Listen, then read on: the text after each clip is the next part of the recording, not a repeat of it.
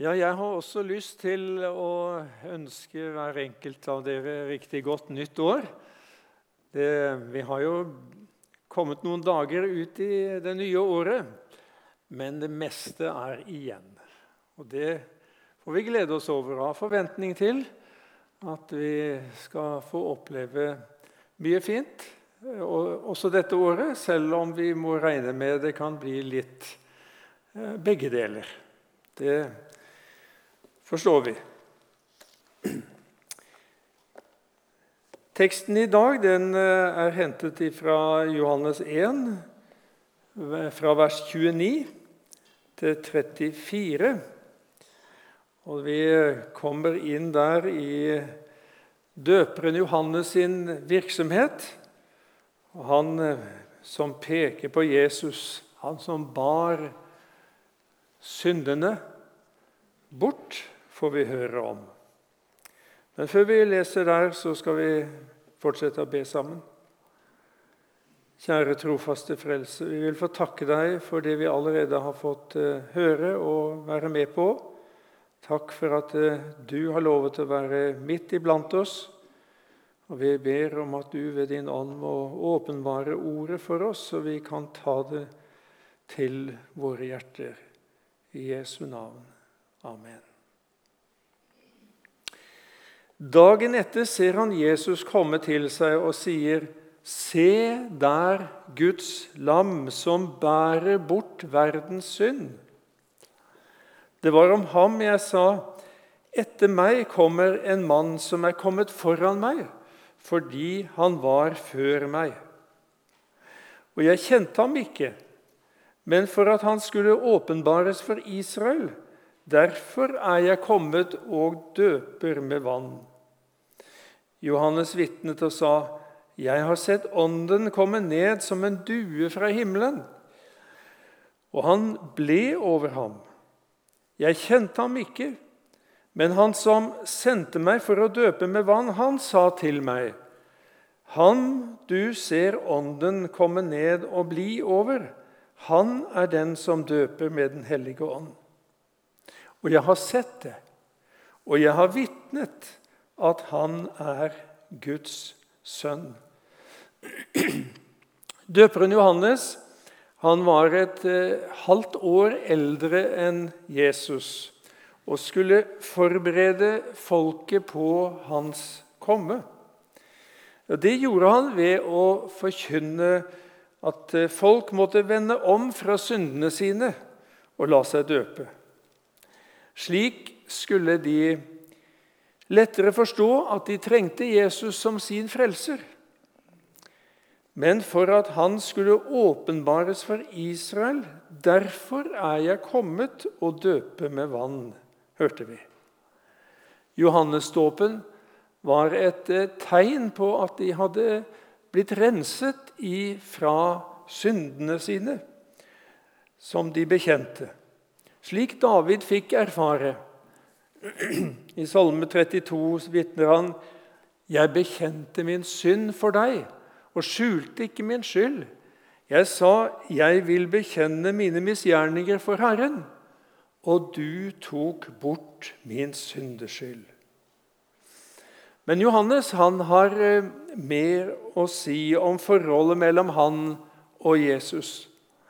Det var om ham jeg sa. Han som kommer etter meg, er kommet foran meg fordi han var før meg. Ja, det, dette er sånn som vi trenger å, å stoppe opp litt og tenke hva, hva, hva, er det han mener? Ja, når Jesus kom etter Johannes, hadde han ifølge oldtidens tankegang en lavere posisjon. Men det var omvendt sier Johannes. Han som kommer etter meg, er kommet foran meg. Han er større og viktigere enn meg. Og han begrunner det slik fordi han var før meg. Ja, Menneskelig sett så skjønner vi at dette er umulig. Men Jesus eksisterte altså før Johannes ble til ja, som Guds sønn, var og er han fra evighet av. Døperen Johannes eh, fikk, han, eh, hadde fått se Jesus på en fullstendig ny måte, forstår vi. Mødrene deres de var eh, nære slektninger og besøkte hverandre eh, da de var gravide, begge to. Og da må vi regne med at de også hadde kontakt med hverandre etter at guttene var født, selv om vi ikke finner noe klart utsagn om det. Likevel så sier Johannes nå to ganger i voksen alder 'Jeg kjente ham ikke'. Jeg kjente ham ikke. Det var altså en ny side ved Jesus som gikk ut over det kjennskapet som var mulig på det menneskelige plan. Det måtte en guddommelig åpenbaring til. Gud hadde gitt Johannes et tegn som han skulle se etter. Men han som sendte meg, altså Gud, for å døpe med vann, han sa til meg, 'Ham du ser Ånden komme ned og bli over', han er den som døper med Den hellige ånd. Å bli døpt med Den hellige ånd det er det samme som å få Den hellige ånd. Og Dette samsvarer med Messias-profetien i Jesaja 11. Og Herrens ånd skal hvile over ham. Det var profetiens ord. Men ånden er jo vanligvis usynlig. Det vet vi godt. Ja, men i dette tilfellet ble han synlig i en dues skikkelse. Derfor kunne Johannes vitne og si, 'Jeg har sett Ånden komme ned som en due fra himmelen', og han ble over ham. Og jeg har sett det, og jeg har vitnet vitnet at han er Guds sønn. At eh, ånden kom ned over Jesus og ble over ham, bekrefter at Jesus er Guds sønn. I tillegg talte Gud Fader fra himmelen og sa, 'Dette er min sønn, den elskede. I ham har jeg velbehag.' Når skjedde dette? Jo, det skjedde rett etter at Jesus var blitt døpt i Jordan av Johannes. Men eh, Johannesdåpen det var jo en dåp for syndere, slik at de kunne få en ytre bekreftelse på at de hadde fått syndenes forlatelse etter at de hadde bekjent sine misgjerninger. Men hva med Jesus? Hadde han gjort noe galt som han trengte å bekjenne? Nei, Det var ikke rart at Johannes protesterte til å begynne med. Det kan vi lese i Matteus 3. Men Johannes nektet ham det og sa, 'Jeg trenger å bli døpt av deg, og du kommer til meg.'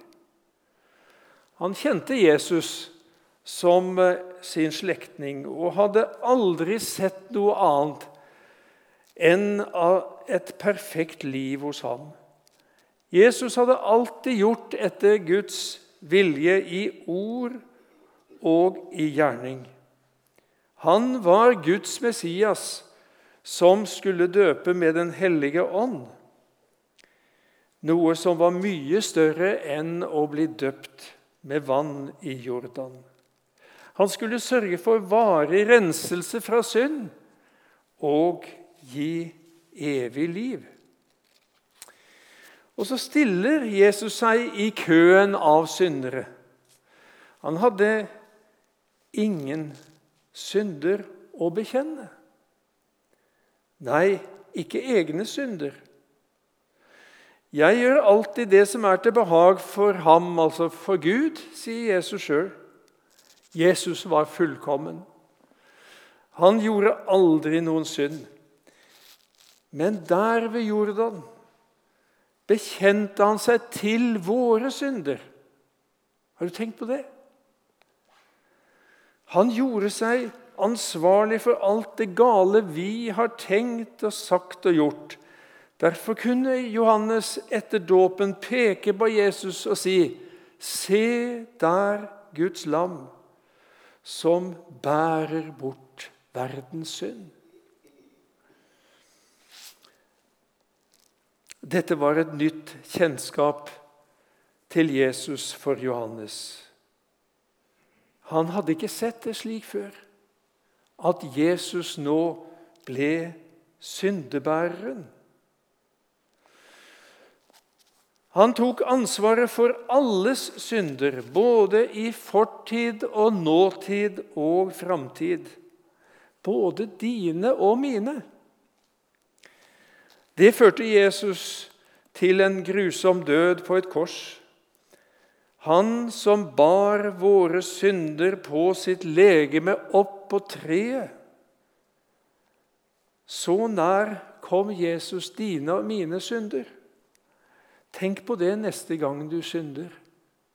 Tenk slik. Denne synden, den bar Jesus på sitt legeme opp på treet og på korset.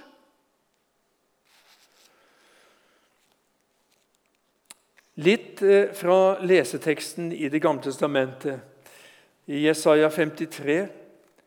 Der eh, står det slik Vi for alle vil som får. Vi vendte oss hver til sin vei. Men Herren lot den synd som lå på oss alle, ramme ham. Den ene ble behandlet som om han var den eneste synder på jord. Og Det kostet Jesus mye. Han ble ført lik et lam bort for å slaktes, står det også der i Jesaja 53. Og så dette kjente, kjære vers 5. Men han ble såret for våre overtredelser knust for våre misgjerninger. Straffen lå på ham for at den ikke skulle ligge på oss, altså. Og ved hans sår har vi fått legedom. Slik ble Jesus Guds lam, vår stedfortreder, som bar våre synder. Dette ble også demonstrert ved påskelammet. Da israelsfolket skulle bryte opp fra slaveriet i Egypt. Det var den førstefødte sønnen i huset som eh, var under dødsdommen. Men Gud ordnet det slik at de kunne slakte et uskyldig lam i stedet for den førstefødte og stryke blodet på dørkarmen med følgende budskap.: Blodet på de husene hvor dere er, skal være til et tegn for dere. Når jeg ser blodet, vil jeg gå dere forbi. Forbi med dommen, altså. Intet dødelig slag skal ramme dere når jeg slår landet Egypt. Blodet på dørkarmen vitnet om at her i dette huset var dødsdommen allerede skjedd, fyldest, gjennom en stedfortreder. Og da betød det ikke noe om eh, denne førstefødte sønnen var engstelig og urolig eller trygg og sikker på at dette går nok bra. Nei, det var blodet som var avgjørende. Og nå sto Jesus der ved Jordan som det fullkomne Guds lam og var villig til å gi livet sitt for alle dødsdømte syndere. For hans skyld kan Gud si til oss på dommens dag.: Når jeg ser blodet, vil jeg gå dere forbi.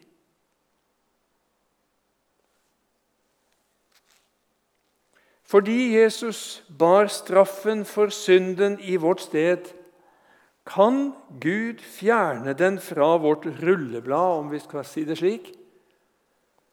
Han vil tilgi den. Det kommer fint til uttrykk ved at døperens vitnesbyrd om Jesus både kan oversettes 'Se der Guds lam som bærer verdens synd'. Slik er det gjengitt i 88-utgaven. Men i 07-utgaven, som jeg holder her, og eh, i 2011-utgaven til Bibelselskapet, der står det slik som, eh, som jeg leste i stad. Se der Guds lam, eller se Guds lam, som bærer bort verdens synd. Dette ble fint illustrert i det som skjedde med de to bukkene på den store forsoningsdagen, som de praktiserte én gang om året. Ypperstepresten han ofret den ene bukken som syndoffer for folket. Den måtte altså gi livet sitt for de skyldige. Tenk deg at du var til stede og i takknemlighet måtte undre deg over det du så. Tenk, syndofferbukken bar mine synder. Han døde for meg. Det ble veldig konkret.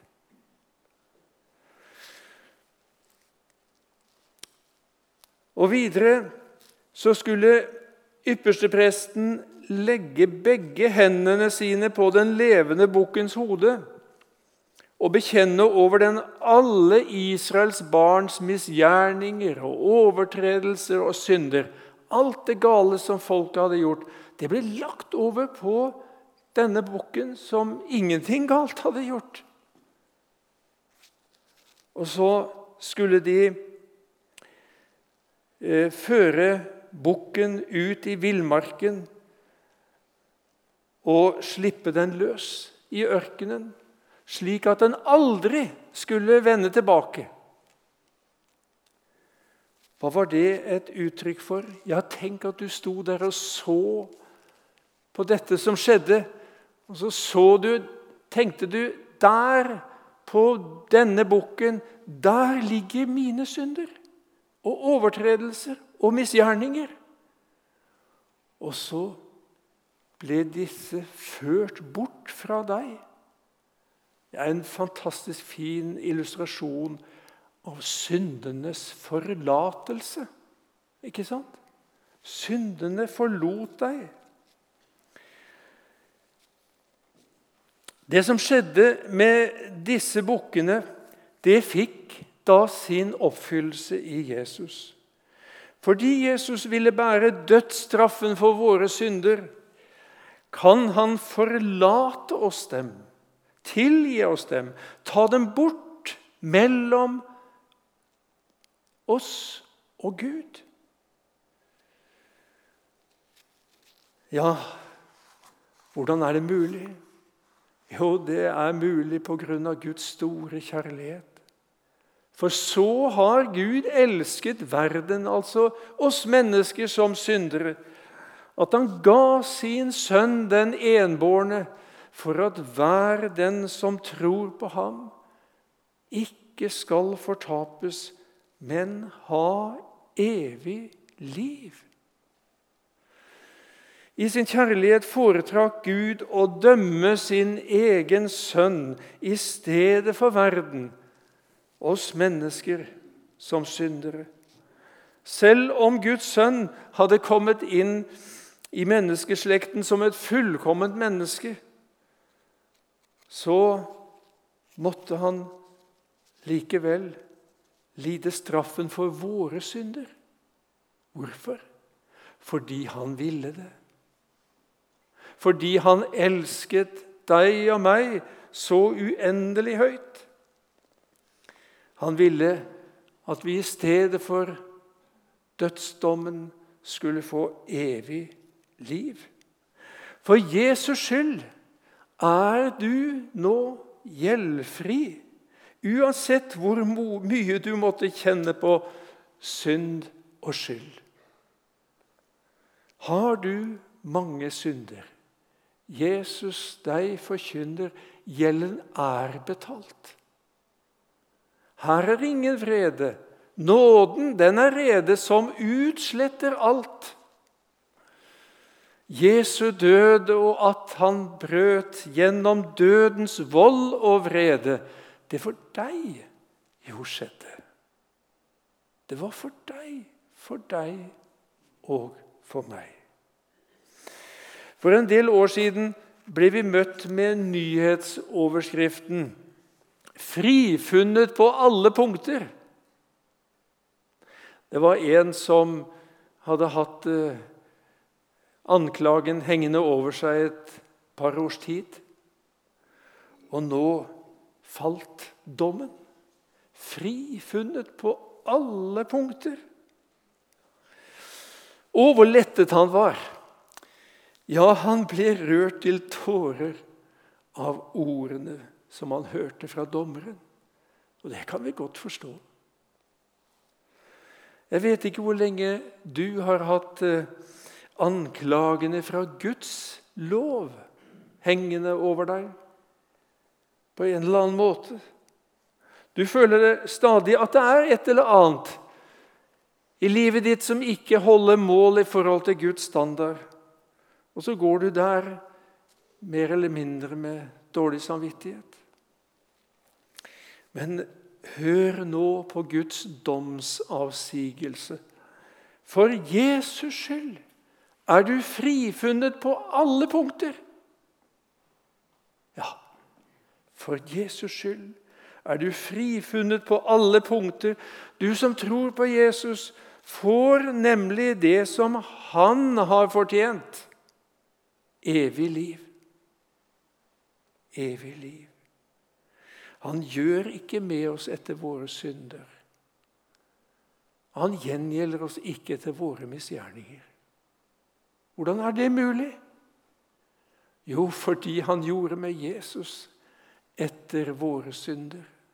Og gjengjeldte Jesus etter våre misgjerninger. Evig liv det er ikke en, en evig fortsettelse av dette livet vi lever her på jord. Og det er jeg glad for, selv om jeg ikke ser fram til døden. Så er jeg glad for at det er et annet liv i vente enn dette. Det står eh, skildret slik i Åpenbaringen 21.: Han skal tørke bort hver tåre fra deres øyne.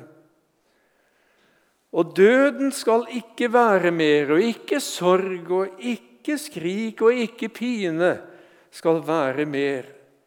For de første ting, det er det vi opplever nå. det.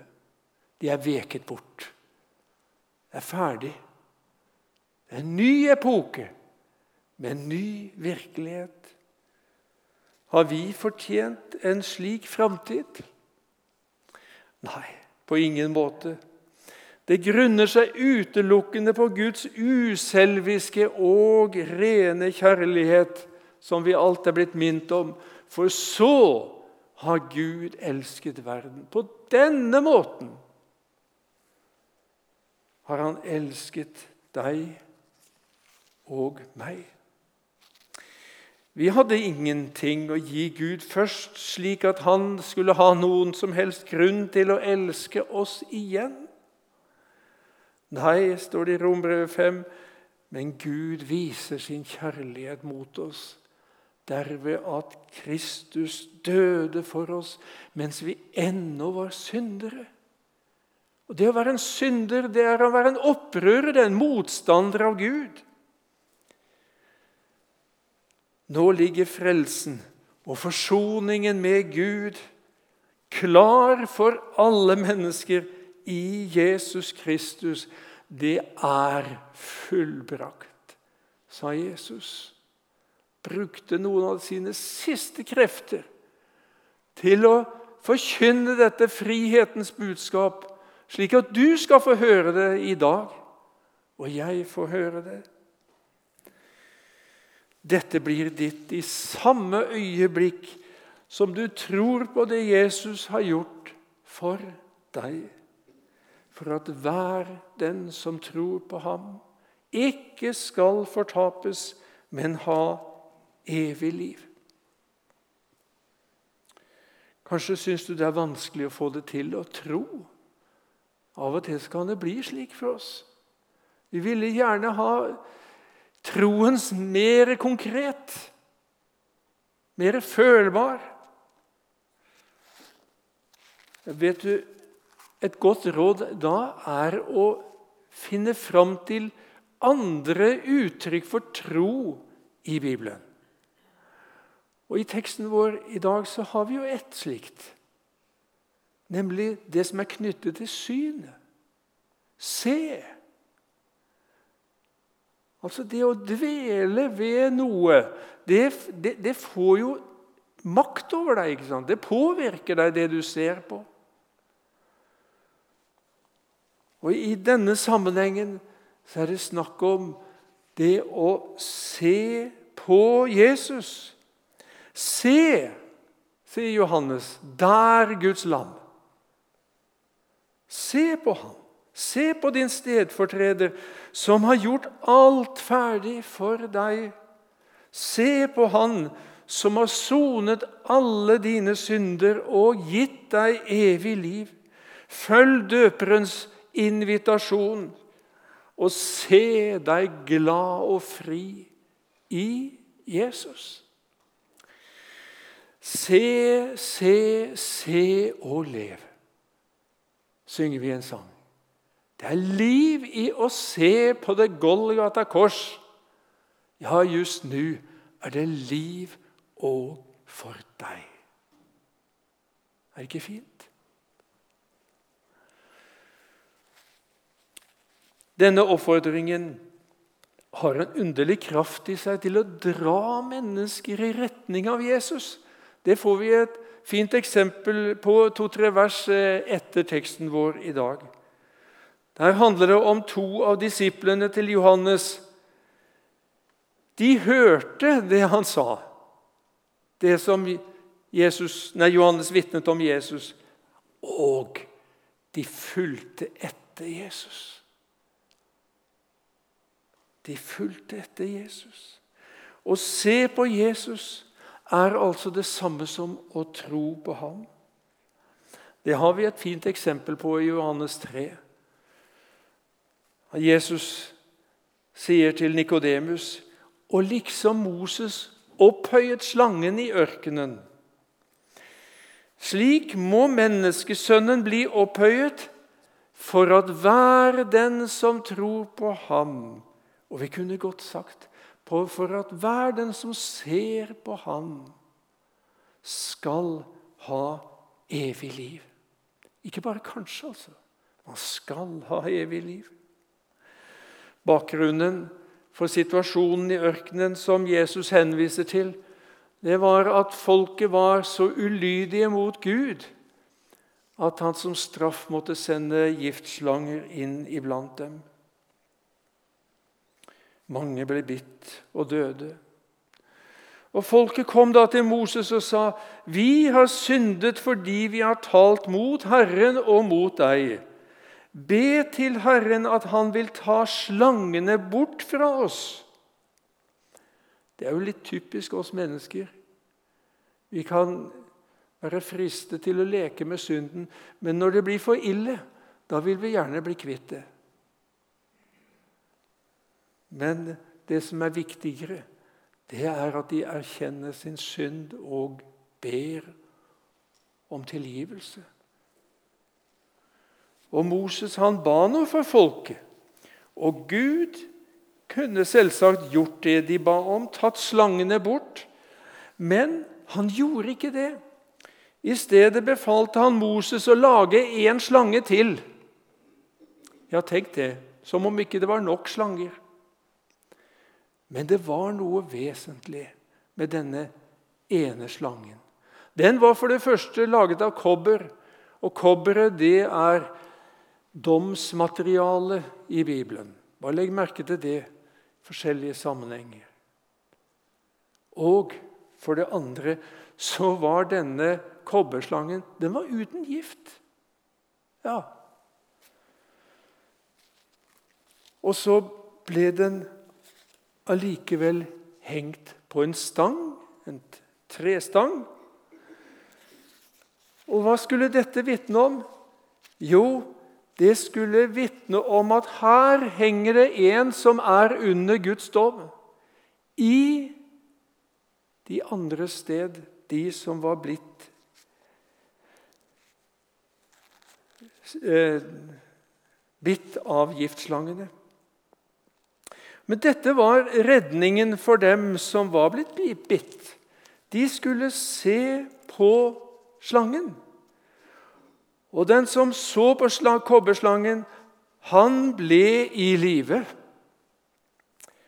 Tenk bare et blikk på denne ene slangen var nok til at de overvant giften og ble i live. Et blikk som var uttrykk for tillit til det Gud sa om veien til frelse. Det var nok. Forstår du hva Jesus mente da han sa like som Boses opphøyet slangen i ørkenen.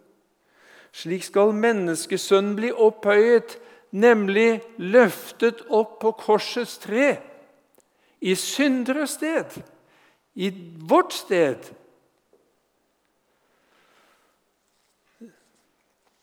Der ble han rammet av Guds dom for oss for at vi, hver den som tror på ham, ser på ham, skal ha evig liv. For det er vi som er bitt av syndens gift. I menneskesønnen Jesus fikk vi en stedfortreder som var lik oss, et sant og ekte menneske, men samtidig forskjellig fra oss. Som sann Gud og ekte Gud var han uten synd. Likevel ble han rammet av dommen over våre synder da han ble hengt på korsets tre. For det står skrevet:" Forbannet er hver den som henger på et tre. Men dermed kjøpte han oss fri fra dommen. Hvordan får du del i denne frelsen? På samme måten som de ble reddet i ørkenen ved å se på stedfortrederen. Du, du vet det at når du ser på noe, så er det noe du ikke ser på. Og Derfor så ligger det en lykke for oss. I det du ser på Jesus, ser du bort fra deg sjøl og alt det som ondt er. Ved å stole på det Gud har gjort klart for alle mennesker i Jesus Kristus, får du ikke bare en forlengelse av dette livet. Nei, du får evig liv. Men eh, hvor kan jeg se Jesus, da, tenker du? Jo, i denne boka her. I Bibelen, i Guds ord, ved å høre og lese om Jesus med et åpent sinn, som jeg håper du har gjort nå, så kommer Den hellige ånd, og så åpner han ditt hjerte og ditt sinn for det Jesus har gjort, for ordet om han, for evangeliet, slik at han kan vise deg hva Jesus har gjort til frelse for deg og for alle mennesker. Da ser du Guds lam som bar bort dine synder. Ja, det skal du få lov til å ta til deg og ta med deg videre gjennom denne dagen og gjennom dette året og enda lenger. Amen.